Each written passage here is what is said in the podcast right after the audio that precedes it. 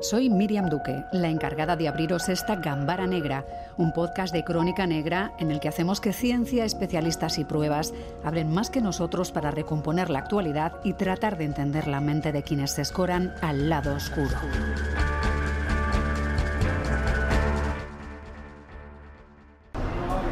Ya hemos llegado a las inmediaciones del Instituto Vasco de Medicina Legal. Veamos si nos dejan pasar. Nos encontramos en este momento en el interior del anatómico forense. Pues estamos en el Instituto Vasco de Medicina Legal y estamos con su director, con Carlos Cubero. Carlos, gracias por dejarnos colarnos un poquito en este centro de trabajo. Qué menos, ¿no? Yo con las puertas abiertas a todo el mundo como debe de ser. Al anatómico, ¿qué tipo de cadáveres llegan?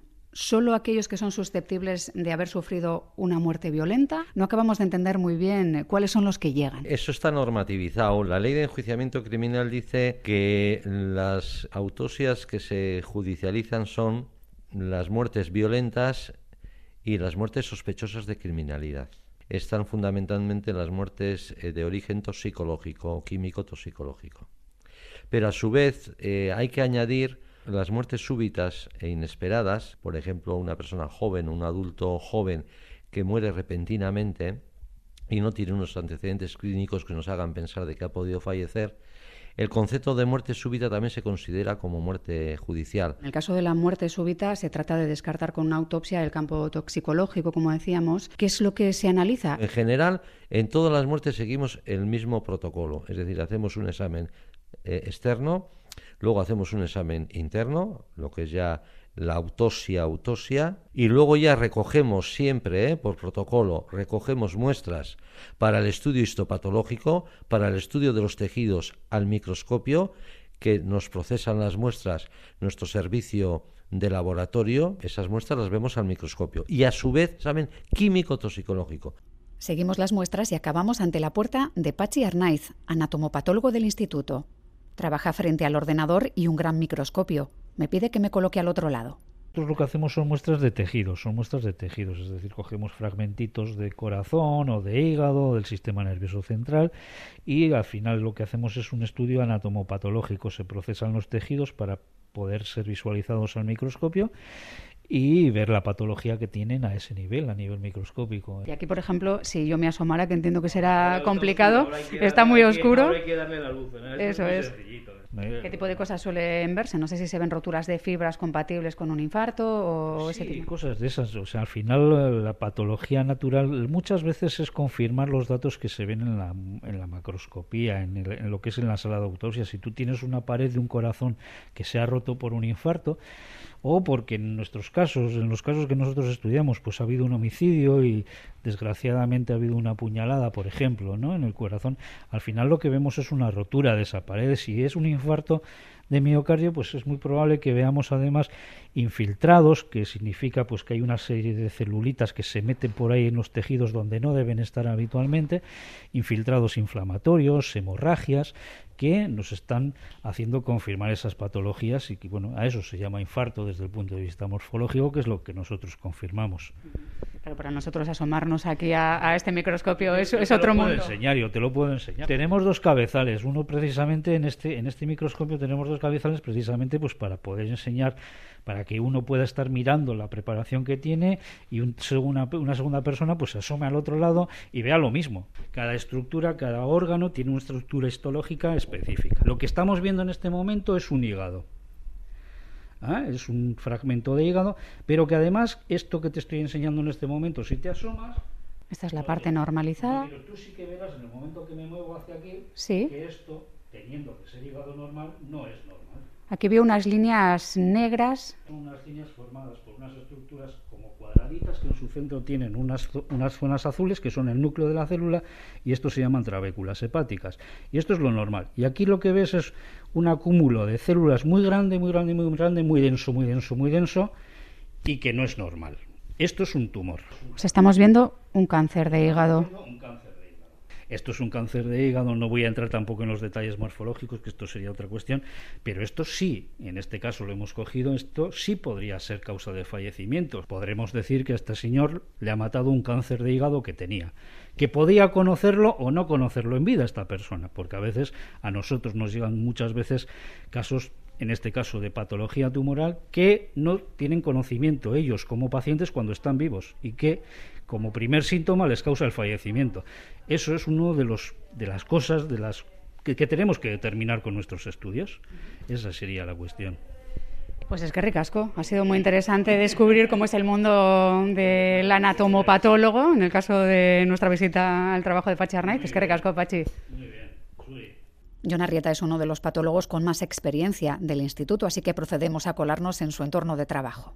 ¿Es eh, complicado, más de lo que pensamos, saber la causa de la muerte de, un cadáver que llega a la mesa de vuestra morgue? O, más o menos con los protocolos que hay estandarizados, enseguida se sabe si la muerte violenta lo es o no, si ha habido un crimen? ¿Cómo suele funcionar esto? Yo, yo creo que es trabajo habitual, entonces lo tenemos todo como bastante protocolizado, pero sí que a mí me parece que es complicado. Las cosas, la mayoría de las cosas no son blancas, no son negras, son muchas son grises y luego tenemos que tener en cuenta, por un lado, que tenemos que agrupar muchas cosas diferentes, la autopsia y todos los análisis complementarios que hacemos de análisis toxicológicos, histopatológicos que miramos por el microscopio, y luego con otra serie de investigaciones policiales, judiciales, y con todo es hacer un puzzle para determinar la conclusión buena o la que creemos buena. Entiendo que tenéis que ser gente con vocación para hacer este trabajo con cierta calma, porque, claro, se pedirán respuestas rápidas en algunas ocasiones, pues porque las investigaciones achuchan, pues porque a veces eh, o muchas veces trabajáis para tratar de de resolver crímenes también, ¿no? Porque vosotros decís al fin y al cabo cuál es la causa de la muerte de, alguien que ha podido ser asesinado. Sí, sí. Yo, yo lo de la vocación no lo tengo tan claro. Yo creo que también son, son, son más casualidades de la vida. Yo no, vamos, ya, como estoy mayor, estoy casi más, más cerca de la jubilación que del principio, pero cuando, empezó, cuando empecé yo no sé muy bien ni por qué estudié medicina ni por qué acabé aquí. Pero realmente yo creo que, que sí que hacemos un, un trabajo interesante. Pero bueno, yo creo que, que sí que vengo a trabajar con, con bastante tranquilidad. Pero luego llegan momentos como el que vivimos hoy en día, que tenemos un caso entre manos, pues con, con mucho revuelo mediático, pues porque se investiga si hay alguien que ha estado asesinando personas, que parecía que a lo mejor eran muertes naturales y, y, luego no lo son. Entiendo que para vosotros, aunque os llegue un cadáver como muerte natural en, en una primera etiqueta, los parámetros, si hay un estrangulamiento o si hay algo extraño, lo veis enseguida. ¿no? Hay, hay, hay cosas que son muy evidentes y cosas que no son muy evidentes. Si, si, si, me remonto al principio, yo recuerdo cuando vi cuando vine aquí había dos, dos personas, dos forenses entonces, uno se dedicaba a patología, Rafa Alcaraz y Guillermo Portero a psiquiatría.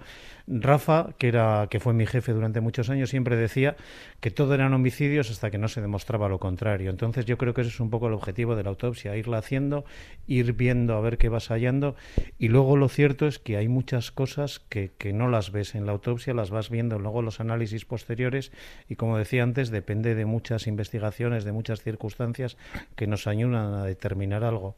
Supongo que, hay veces que participáis en volver a pasar por cuál ha sido la acción ¿no? de, un asesinato, por ejemplo. ¿no? El caso de Zabala, el crimen de Zabala, que ha sido ya juzgado, que también tuvo mucho revuelo porque se produjeron disparos. En principio se decía que a muy corta distancia. Se hablaba de esa cercanía. ¿Cómo de fácil o difícil es determinar? No sé si la, entrada, la presencia de, químicos os ayuda a saber si ese tiro se ha dado a un metro, a dos metros, a tres metros. A nosotros nos parece difícil, pero ¿cómo es para ti? Por un lado tenemos los, los hallazgos macroscópicos de autopsia y ahí es como vemos las características del orificio, si, si el orificio pues tiene restos de quemadura o no tiene. Eso nos vale para intentar determinar si ha sido una entrada, ha sido una salida y luego todo esto nos apoyamos en los análisis complementarios lo que hacemos son coger fragmentos de piel de los orificios que puedan ser de entrada o salida y mandarlos a analizar, dependiendo del nivel de, de ciertos metales que están, que están en, la, en la combustión de la pólvora o en la bala. Pues, el bario, el plomo, dependiendo. Entonces nos, nos, emiten unos informes diciendo más o menos si el orificio puede corresponder con entrada, puede corresponder con salida. Tenemos que tener en cuenta el, número de ropas, de prendas que lleva encima del orificio en el cual se pueden quedar estas sustancias. Entonces, por un lado está lo macroscópico de la autopsia y por el otro los complementarios que nos, nos apoyan o no nos apoyan a lo que hemos pensado Las pruebas de distancias, por ejemplo, eso lo trabajáis vosotros en laboratorio, el, tener posibilidades, como vemos a veces en las series, de disparar dentro de cajas para ver pues la velocidad de una bala o cómo entra o, cuál es el casquillo, o eso es eh, ya tarea de la policía. Nosotros no hacemos ningún trabajo de eso. Realmente sí que es cierto que para saber la distancia con la que con la que un arma actúa sobre una persona habría que hacer pruebas específicas con cada arma. Eh, una cosa es lo teórico de que una, un arma concreta con una velocidad de disparo con, llega hace unas lesiones más o menos concretas, pero luego lo concreto real es esa arma concreta con esos, ese grado de limpieza, ese grado de, de cuidado que tenga, qué lesiones provoca. Entonces esas cosas nosotros no las hacemos. Habitualmente son las que lo hacen son la policía. Nosotros no. Aquí en este caso la Arteña. John, ¿cuál ha sido uno de los casos que, te marcaron a ti? En el pasado yo siempre recuerdo hace hace muchos años y un, un un suicidio, un presunto suicidio de, de, una persona que lo intentaban hacer pasar por suicidio, que fue un homicidio. Y yo sí que creo que hay. Eh, eh, mi papel en aquel momento, por lo menos, fue eh, iniciar y promover que eso que parecía que era un suicidio muy claro no era un suicidio, era un homicidio y realmente se investigó y tenía yo razón que realmente fue, fue un homicidio. Yo sí que recuerdo aquel caso. Igual lo recuerdo también porque fue uno, bueno, hace, hace muchos años. Dices que hay casos que en la actualidad duelen. No sé si te refieres a ese caso tan mediático en el que se busca una persona que presuntamente está asesinando a, chicos a través de una web de citas. ¿no? Sí, sí, sí. Ese, ese caso me parece que vamos, ahora sale en prensa continuamente y realmente sí que nos afecta porque es nuestro trabajo diario de nuestro, ha sido nuestro trabajo diario y realmente nos está haciendo evaluar qué estamos haciendo, qué podemos mejorar, qué podemos cambiar, cómo se puede demostrar si eso es cierto o no es cierto. Y realmente está siendo, yo creo, ahora actualmente sí que es cierto que es el caso más, más importante en el que creo que hemos actuado, vamos, yo concretamente también, pero muchos compañeros míos también a uno le da miedo que, empiecen a echar las miradas en dirección al trabajo de uno por si acaso, ¿no? Eh, empiecen a pensar, bueno, cuando hay demasiada atención mediática, igual nos da tiempo a, quitar eso de la cabeza. Sí, hombre, al se acostumbra todo. Sí que es cierto que a lo que se acostumbra en cuanto yo Vizcaya es una provincia tranquila, realmente no hay mucho homicidio, entonces cuando hay un homicidio siempre nos acaban se acaba llegando pues yo creo que al final para la prensa os interesa lo que no es habitual. Si hubiera mil homicidios en Vizcaya al año, seguro que no, por, uno no os preocuparíais, pero ahora que realmente eh, cuando hay menos, hay menos. Y un caso como este, que puede ser si, si, si, si es un, un, homicidio múltiple de mucha gente y eso, pues realmente yo creo que, que, es una cosa... Si algún día llegamos a habituarnos a que haya asesinos en serie cada dos por tres sería primero apasionante pero muy dramático para, para tú y para mí, para los dos. Yo solo los asesinos en serie los conocía de las películas americanas, no, no pensaba que aquí había de eso, o sea que, que realmente sí que para nosotros también es una, una cosa totalmente nueva. Antes de irnos, nos pasamos por el despacho de Rafa, Rafael Alcaraz. El despacho de Rafa, que ahora es el del Molentín, mira. este era el despacho de Rafael Alcaraz. Ay, ahí está la foto, es verdad. Y este es Molentín. Ese es el día que se jubiló, yo creo. Esta es la foto de su jubilación. Mira, es verdad que nunca. Es la, mira que nos conocemos desde hace años, 30 de abril de 2010, y nunca le había visto de traje y corbata. O sea que he tenido que venir a su antiguo despacho para descubrir algo así, ¿eh? años ya. Mm la verdad es que no se ha desenganchado del todo del asunto. ¿eh? Gracias a eso le tenemos de colaborador en el programa. no, le gusta, lo vive. Le gusta y lo vive, sí. ¿Dónde están ¿Aquí dónde están las morgues? ¿O vamos a ir primero, a, otros despachos? y luego vamos a las morgues y ya de paso les saludas a Molentín si quieres. Muy bien. Aquí está Julia Lamas, que también es... Aquí está. Hola Julia, eh, bueno, ¿cómo estás? Muy bien. Encantada de saludarte. Encantada de saludarte. El trabajo diario nuestro son las autopsias.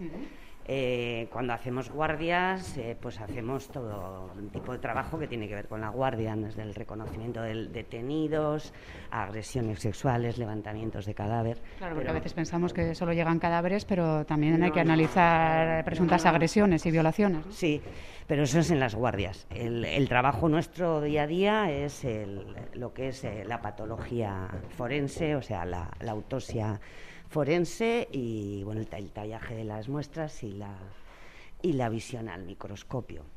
¿Dónde estamos ahora mismo? Estamos eh, más o menos en la zona de acceso a las morgues. Esta es la zona de acceso por el garaje, ahí ves las puertas del, del, garaje, por ahí es donde entran los coches fúnebres. Lo primero que se hace es tomarle los, los datos, la vamos, si está identificado, del juzgado de procedencia y luego, bueno, pues se pasa a una de estas cámaras frigoríficas. En principio, ahora habría cuerpos Sí, ahí, eh, personas que están por analizar o por Mira, identificar. en este tablón está, figuran los ingresos de, que hay hoy y bueno, hay pendientes para mañana estas dos autopsias. De esta lista que tenemos de, de ingresos, eh, que no está llena, llena, menos mal, porque si se- no sé de qué parte hablamos de presuntos crímenes o de crímenes que tenéis que saber si han sido muertes violentas. Bueno, en principio en esta lista no hay ninguno que tengamos sospecha, en principio, pero bueno, toda muerte en principio es, eh, vamos a decir, sospechosa, hasta que no tengamos todos eh, la autopsia y los resultados del análisis toxicológico, histopatológico. O sea, que se No- trabaja al revés, ¿no? Se presupone que ha habido un posible crimen hasta cerciorarse de que ha sido todo natural. Eh, efectivamente, yo creo que nosotros tenemos que empezar siempre pensando mal, ¿no? No todo lo que vemos es lo que parece, ¿no? Hay veces eh, que hay esta, no sé, la gran, eh, ¿cómo te diría yo? El enganche que puede tener la profesión, ¿no? Que hay veces que eh, eh, nos engaña. Lo que parece que es, luego no es, ¿no? Eso es un... es muy bonito en las muertes violentas o homicidas, aunque no lo parezcan, ¿no? El reto es el de... Es apasionante porque lo mencionábamos con John hace un momento, formáis parte también de los equipos de investigación que aclaran crímenes, ¿no? Desde vuestros laboratorios o desde la mesa de la morgue. Sí, fundamentalmente sí, desde, el- desde la mesa de la morgue y luego también, claro, cuando, cuando hay una muerte en la cual las, las drogas o los tóxicos eh, hayan influido bien, o sea, la causa de la muerte o hayan participado para facilitarla, también. Es un gran reto el, el estudio del, del cadáver, solo que, bueno, afortunadamente aquí tenemos pocos casos eh, homicidas, vamos a decir, ¿no? Julia, ¿podemos pasar a la morgue? ¿Me la enseñas? Sí, primero cuando se saca el cadáver de la cámara frigorífica, se pesa en la báscula que tenemos aquí enfrente. A las cámaras tenemos Sí. una báscula, ¿no? Eh, luego llega aquí en la, en la camilla portátil que tenemos y en principio, bueno, pues eh, se le toman fotografías eh, de cómo llega, de la ropa que trae, que es lo que em- eh, vamos a empezar a hacer el examen externo del, cadáver, ¿no? Fotografían todas las ropas y todos aquellos indicios que nos puedan parecer eh, de interés, ¿no? Estoy hablando en principio de muertes naturales, ¿no? Aunque todas seguimos el mismo procedimiento, pero bueno, si en principio es una muerte ya que es homicida, ahí el examen externo es mucho más, más profundo, largo y minucioso. ¿no? Se procede a, a- identificar eh, al cadáver si no estaría identificado y luego a hacer re- reseña de todos aquellos elementos que nos llamen la atención al examen externo, como puedan ser heridas, como tú bien dices. Otra parte sería la recogida de muestras o evidencias. Por una parte, para el examen toxicológico, que sería la recogida de sangre, orina, humor vítreo u otras vísceras u, otras partes corporales, dependiendo del interés, si hay que hacer DNA. Y luego también la recogida del cabello. Eh, pero eso van en distintos tiempos, es lo que es eh, parte del procedimiento de una autopsia en sí. Una autopsia en sí no solamente es eh, lo que es la técnica de la, de la autopsia. ¿no? Como siempre solemos decir nosotros, empieza con el levantamiento del cadáver. Que yo creo- normalmente el mismo forense que acude al levantamiento del cadáver es el que sigue con la no, autopsia o es el que no, está de guardia y luego al que le toca. El levantamiento lo hace el médico forense que está de, de guardia. En los casos en los cuales hay sospechas de criminalidad, una muerte homicida o una muerte accidental, que sea un poco, vamos a decir, unas circunstancias no muy claras, eh, van dos forenses, el que está de guardia y un experto en, en patología forense, que entonces iríamos uno de nosotros. Y si al día siguiente esa persona, ese patólogo forense experto en patología que ha acudido con el otro compañero al levantamiento puede hacer la autopsia, mejor. Porque bueno, es alguien que ya ha estado en el lugar de los hechos eh, y tiene más información y a veces pues, más datos o, o es más, más mm, claro poder empezar. Pero si no, se haría igualmente por, por cualquiera de los que estemos en el servicio ese día trabajando. Sí, pero es verdad que tiene una composición de, de lugar mucho mejor literalmente hablando. Sí, sí, sí, sí. Además es muy importante. Yo creo que eso es algo que verdaderamente eh, es mm, una de las partes más importantes. Empieza ahí con el levantamiento del, del cadáver. Un levantamiento mal, mal hecho eh, pierdes cantidad de información, datos y hay que ser eso. Por lo que te decía antes que no todo lo que parece es. eh, aquí hay mucho engaño, mucho juego de verdad y... que a veces se ponen pruebas falsas. Hemos analizado casos en los que hay, hay quien, bueno, pues también sabe e intenta En dejar tienes- ADN de otro, ¿no? Tienes que ir con una cabeza sospechando, no puedes ir siempre pensando que lo que ves es lo que es. Bueno, luego hay aquí otra sala que es la sala del flujo laminar. Aquí se hacen las autopsias específicas. Por ejemplo, eh, una autopsia que tenga... Digamos que para describirla estamos hablando de una zona similar a la anterior, pero que estaría completamente tapada con unas cortinas especiales, entiendo que para que haya mayor higiene o... el flujo laminar que lo que hace es filtrar el aire y sacarlo una vez de filtrado. ¿Y qué tipo de autopsias se realizan aquí? ¿no? Estamos encendiendo la máquina ahora mismo, ¿no? ¿Y esto qué hace, este laminar? ¿Eh? Esta, aquí se hacen las autopsias donde ha fallecido, sospechamos que ha fallecido por muertes e infectocontagiosas. Tuberculosis, por ejemplo, o que ya tengan hepatitis B, hepatitis C, VIH, ¿eh? o incluso ahora con el tema del coronavirus, si hay que hacerle la autopsia, el ejemplo más claro, una muerte homicida que dé positivo al COVID-19, se hace aquí más bien, digamos, a título, a título preventivo. Bueno, apaguemos todo, Sí, que quede como estaba. está. Y ahora si quieres vas a ver ya el área de histopatología. Nos estamos acercando por otro de los pasillos, ¿no? Que hemos pasado por el vestuario y esta es la puerta de Esta es anatomía patológica, ¿no? De anatomía patológica, laboratorio de anatomía patológica. O sea, estamos procediendo a Bueno, entrar en el apartado de... Valentín, el jefe de servicio. Hola, doctor, ¿cómo estás? Ondo, ondo, vale, bai. ¿Le puedes explicar tú lo que estás haciendo? Esto es, después de hacer eh, la autopsia, dejamos las muestras, lo que son en fijadores, que pueden ser eh, formol o finefis, y hay distintos fijadores, y tenemos que venir al laboratorio a hacer lo que nosotros decimos que es el tallaje, que es meter eh, los órganos, ¿no? Un muestreo general y si vemos alguna lesión eh, patológica, incluimos también esa lesión en celdillas. Estas celdillas son las que luego los trabajadores de laboratorio de histopatología tienen que procesar y nos sacan unos cristales, que son lo que vemos al microscopio. ¿no? Esa es que la segunda parte, vamos a decir, que de, de la autopsia después de haber hecho el estudio macroscópico. Lo que tenemos delante para nosotros eh, profanos son celdillas que parecen muestras, como antiguamente cuando se coleccionaban fósiles, porque se ve de distintos tamaños y como de distintos perfilados. ¿Qué estaríamos viendo ahora mismo? Eso lo que vemos aquí es un muestreo general. En todas las autopsias, eh, en, vamos, en el, Instituto de, en el Instituto Vasco de Medicina Legal se hace estudio histopatológico que incluye un muestreo general de todos los- de todas las vísceras, de todos los órganos, desde pulmones, riñones, eh, hígado, eh, cerebro, corazón, ¿no? para determinar eh, la causa de la muerte. En este caso, ¿qué nos podría decir este cerebro? Es un poco para reafirmar, por un lado, los hallazgos que hayamos visto macroscópicamente y por otro lado, es, pues, si hay alguna lesión que puede pasar desapercibida al ojo, pero la podemos diagnosticar por medio microscópico para ayudar en el diagnóstico de, de la causa de la muerte. Claro, porque entendemos que si hay un fuerte golpe probablemente se verá en el cráneo, pero si no es tan grande pero ha tenido efecto, se vería ahí. Sí, en este caso, por ejemplo, uno de los trozos que he incluido es eh, a nivel del tromboencéfalo. Es una parte esencial que controla la respiración y que su lesión es incom- incompatible con la vida. Y nosotros veíamos una zona que era sugestiva de un desgarro ¿no? Eh, vital, pero la muerte es tan inmediata que tiene poca traducción macroscópica. Entonces lo que queremos ver es si en estos cortes que estamos preparando, concreto desde el corte 16, ¿no? puede haber algún infiltrado hemorrágico que nos indique que esa lesión es claramente vital. ¿no? Entiendo que del corte 16 al 19 es cerebro, el resto de, de muestras serían de otras partes, ¿no? de otros órganos. De corazón eh, y del muestreo general, ¿no? Pulmones, eh, riñones, hígado y, y muestreo general de todos los órganos. Ricasco. Vale. Ari. Vale. Este es el área de química toxicología. Por eso hay una ducha aquí. Eh, les entra algo, a- si se derrama algún líquido y va al cuerpo, o no digamos a los ojos, pues esto le dan aquí al aparato y ¡shu! sale, sale agua. Entonces esto es el área de preparación del, del laboratorio de química. Y ahora ya salimos por aquí y aquí a la derecha volvemos donde estábamos. Ya has hecho... Se hemos hecho el perímetro menos, completo. Sí, sí, sí. Sin más y sin menos, has hecho todo el, el recorrido. Pues Carlos, ha sido la primera vez que visito una morgue en mi vida. Sí, bueno, pues lo único que te ha faltado por ver es un muerto. Bueno, estás para, a tiempo, para- para ¿eh? segundo. Que digo que estás a... Cuidado el peldaño. Pues.